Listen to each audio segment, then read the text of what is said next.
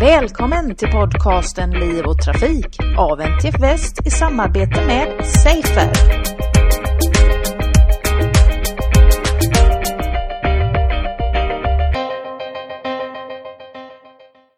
Liv och Trafikpodden träffar nu Berit Johansson från Sveriges Trafikskolors Riksförbund STR och du är förbundsordförande där Berit. Välkommen till podden! Tack så mycket! Eh, vi ska berätta lite kring, eh, du talar på Tylösandsseminariet här nu och eh, du ska få berätta vad det är du eh, kommer gå in på det under morgondagen. Men jag tänkte vi börjar med och, eh, att du får berätta om STR. Vad är STR för någonting? STR är en branschorganisation för trafikskolor och vi har i dagsläget en ganska stor majoritet av de företag som verkar som trafikskola över landet ja, dryga 80-85 procent är medlemmar hos oss. Och eh, det är alltifrån stora företag som kanske har flera hundra anställda tills enmansföretaget som, där man är trafiklärare, man är trafikskolechef och man sköter allting själv. Och man är kanske på en liten ort och har en service mot sin bygd. Eh, varför är det viktigt att välja en STR-ansluten eh, trafikskola när man ska ta sitt körkort, tycker du? Ja, vi har ju en del kontroll på våra medlemmar. Vi har ställt riktade medlemskrav. Man jobbar med alkolås, man ska ha tydlighet mot kund, tydlighet med prislister. Vi jobbar med den senaste tekniken vad det gäller utbildningsmaterial och digitalisering. Och om det är mot förmodan, men saker och ting händer ju att det blir fel, då har vi också en reklamationsnämnd där oberoende personer utanför vår bransch sitter och gör bedömning på den som då har tyckt att det här var faktiskt inte det jag köpte, jag fick någonting annat eller man är missbelåten. Då kan man få en tredje part som granskar det hela. Är det vanligt förekommande att den här tredjepartsgranskningen används eller vad skulle du säga? Om man säger så här, varje körlektion, varje möte i princip som en utbildare har med en kund kan ju reklameras. Så då kan man själv räkna ut hur ofantligt många möten detta är varje år. Och vi har ett snitt på ungefär 40 ärenden per år, så det är jättelite. Men det är ändå en trygghet. Eh, här på Tylösandsseminariet så ska du prata om integration och eh, att nyanlända Eh, en eh, nyckel för effektivare integration kan vara att eh, nyanlända får eh, körkort.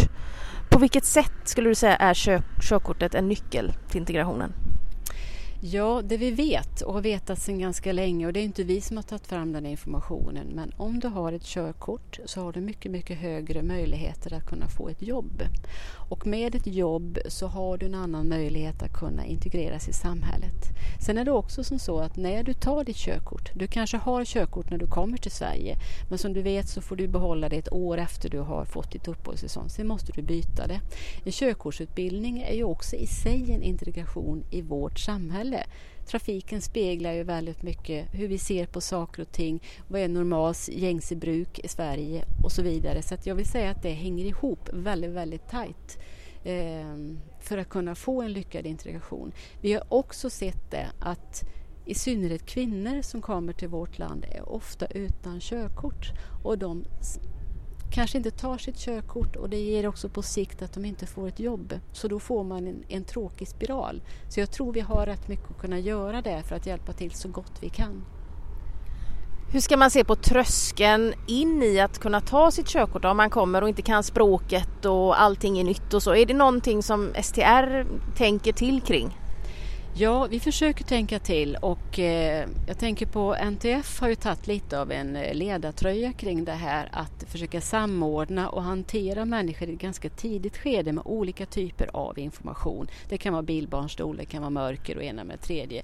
Och vi har också samarbete mot myndigheter vad det gäller just körkort.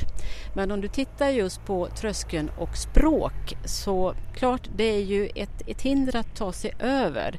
Men när du gör dina prov exempelvis så har du rätt att göra dem på ditt modersmål. Och vi har då från vårt håll, vi har gjort alldeles nyligen en film som är ganska instruerande och informerande. Vad händer? Vad har du för rättigheter? Vad har du för skyldigheter? Hur går du tillväga? Vad är fällor som du ska försöka passa dig för? Och vilken hjälp kan du få? Och den har vi översatt till flera språk. Um, en annan fråga som intresserar dig mycket är uh, barn i bil och hur körkortsutbildningen kan eh, utvecklas inom det här området och du skrev en eh, debattartikel tidigare i våras tillsammans med Marie Nordén som är generalsekreterare på NTF och ihop med Volvia också där ni lyfter fram att tre av tio föräldrar känner inte att de har tillräcklig kunskap om barns säkerhet i bil. Vad, vad är det ni föreslår där? Ja, det är att kunna nå fram och få en information som kanske på något sätt klickar upp sen när man kommer i situationen att man har fått barn. Och i och med att det är faktiskt ganska få i dagsläget som går igenom en hel förarutbildning, alltså körkortsutbildning, för man kan ju välja bort det, man kan ju gå andra vägar, man kan gå privat och så vidare. Så var det då en fundering som kom ifrån vårt håll. Det är det att när jag är på en trafikövningsplats och jag får ju genomgå en utbildning där, säg att jag bara i det sammanhanget får hålla i lite olika typer av barnskydd som jag sätter i bilen. Förmodligen så har jag glömt av det viktigaste som jag har fått lära mig där. Men den dagen jag sen har ett barn i magen eller är på väg att bli en förälder så är detta jätteviktigt att det lilla barnet kommer att åka säkert. Och då har jag ju lite minnen kvar att det var viktigt. Jag kanske söker information på ett annat sätt och på så sätt har ett babyskydd eller en bilbarnstol i senare skede som är bra. Jag vet hur jag ska använda det och mitt barn åker säkert. Och det var där vi tänkte att i samband just med mötet på trafikövningsplatsen att tänk om man kunde haft det där. Behöver inte ta lång stund, men en liten stund. För att Många går förbi en trafikskola i dagsläget. Man söker inte den typen av utbildning. Man chansar sig fram. Men på halkövningsplatsen är man ju trots allt ett antal timmar innan körkortet. Och då är det i riskutbildningen som eh, vi pratar om här. Vilka möjligheter finns det att stoppa in fler element i riskutbildningen? Det är ju lite så här, det är ju som man säger med ett hem. Om jag köper en möbel så kastar jag ut någonting annat. Och man får göra en värdering. Eh, det kanske är vissa saker som man eventuellt kan lägga ett mindre fokus på för att lägga ett annat fokus här. Men jag tror inte det behöver ta så stor tid i anspråk utan det är just det är någonting du ändå kommer ihåg. När du får hålla i någonting, och du får göra någonting så har du ett minne av det och det tror jag gör att du söker en annan typ av kunskap. Sen är ju kursplanen för våra riskutbildningar, den ska ju vara anpassad till de behov vi har och den utveckling i samhället vi ser. Så att eh, det är väl tid att fundera lite. Man har ju funderat kring distraktionen när det gäller just på den andra delen, riskutbildning, riskettan som man säger. Och eh, man behöver alltid se över saker och ting för att få bästa resultat. Eh, något som du har uttalat dig kring flera gånger är också eh, fusket i trafikskolebranschen och det som kallas för svarta eh, trafikskolor. Vad är det för något? Ja, egentligen är det svarta trafikskolor kanske lite felaktigt benämnt men när media får ett ord som man tycker att man kan hantera då stannar det kvar. Det jag pratar om och försöker på något sätt få någon form av stopp på det är människor som, ja, alltifrån den grad att man har en bil, man har en liten kundkrets att säga, man träningskör med de här, det betalas pengar, två kanske 300 för en timme, en och en halv eller det nu kan vara. Man har ingen utbildning, man hanterar inte skatt och moms eller arbetsgivaravgifter, ingenting överhuvudtaget. Tills det, det som man säger kanske är lite mer kolsvart. Du har flera fordon, de är utrustade med dubbelkommando, de är strajpade.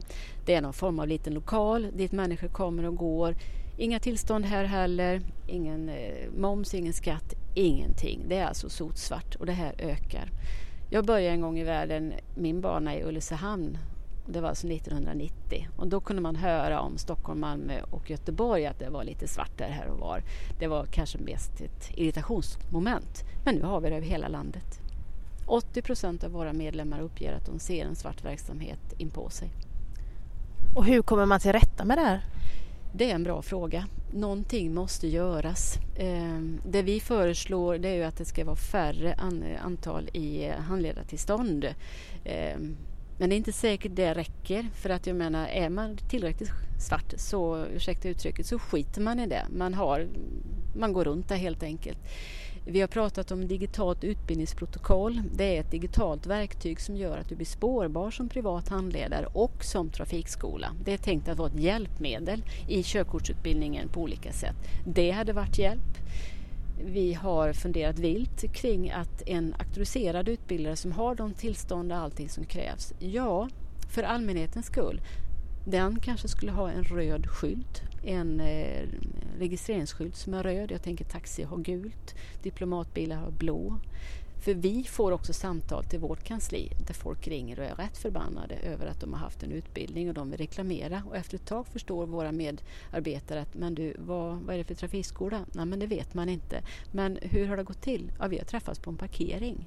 Ja, men vad heter din trafiklärare? Ja, det kommer jag inte ihåg. Det går inte att reklamera. Du är helt utan rätt som konsument när du har gått in i något sånt här. Så det handlar också om att upplysa konsumenter om att eh, leta efter rätt information och ställa krav? Ja, det vi brukar säga det är att om du blir fundersam så ska du begära att få se trafikskoletillstånd. För det är någonting du ska ha om du är en trafikskola. Du ska kunna redovisa F-skatt och när du gör olika typer av betalningar så ska du få ett kassaskrivet kvitto. Om någonting av det här felar då tycker jag då ska man byta trafikskola. Om vi tittar lite bredare på frågan då, vad, vad, finns det mer man kan göra för att komma till rätta med eh, fusk? Ja, alltså jag tror det är väldigt hög tid att göra en översyn över hela förutbildningssystemet. För jag menar, det är ungefär 20 år sedan man tittade över det ordentligt. Och det har hänt så mycket under den här tiden. Vi har som vi nämnde innan de här svartutbildarna som eh, tar en stor plats som borde göra någonting annat. Vi har en teknik som är helt fantastiskt snabb. Och jag menar i allt detta, den morgondagens teknik som vi har bygger på en autonom körning i sitt slutmål. Och vi sitter här och undervisar hur man växlar en bil, eh, backar kring gathörn och allt detta. Är det det vi ska fortsätta med? Vi har en attityd, man, eh, man chansar i väldigt, väldigt hög grad alltså media uppmärksammat att vi har så låga godkännande statistik nu i och med att väldigt många går en privat väg och man chansar sig framför allt framåt detta. Och jag tror också man skulle kunna göra förutbildningssystemet både mer effektivt, lättare och även mer prisvärt genom att göra en total översyn på det. Och det behöver inte vara ett jättearbete som pågår i flera år utan någon som får ett uppdrag som får jobba med detta. Eh, det hade gjort jättemycket. Om du skulle våga peka i någon riktning vart, vart en sån översyn borde landa någonstans? Skulle du vilja säga någonting då? Jag tycker att man skulle göra en SOU det är ju faktiskt en tillfällig myndighet. För jag menar, jag är en lobbyist. Vi har två myndigheter som har olika intressen. Tittar vi på förarprov så har de en ganska god vinst på sin biluthyrning. Vi har en tillsynsmyndighet som också har fingrar med i den här berömda syltburken. Så att någon utanför som kan göra ett objektivt arbete, givetvis ta kunskap ifrån de håll som man anser att man ska eh, införskaffa det, men en oberoende utredning. Det tror jag är det är ingenting att förlora på det. Så jag hoppas vår minister tar tag i det snart. En hälsning alltså till Anna Johansson, infrastrukturministern. Tack så jättemycket Berit för att du ville medverka. Tack så mycket. Det var allt från Liv och Trafik för denna gång. Jag heter Angela Elvård och tack för att ni har lyssnat.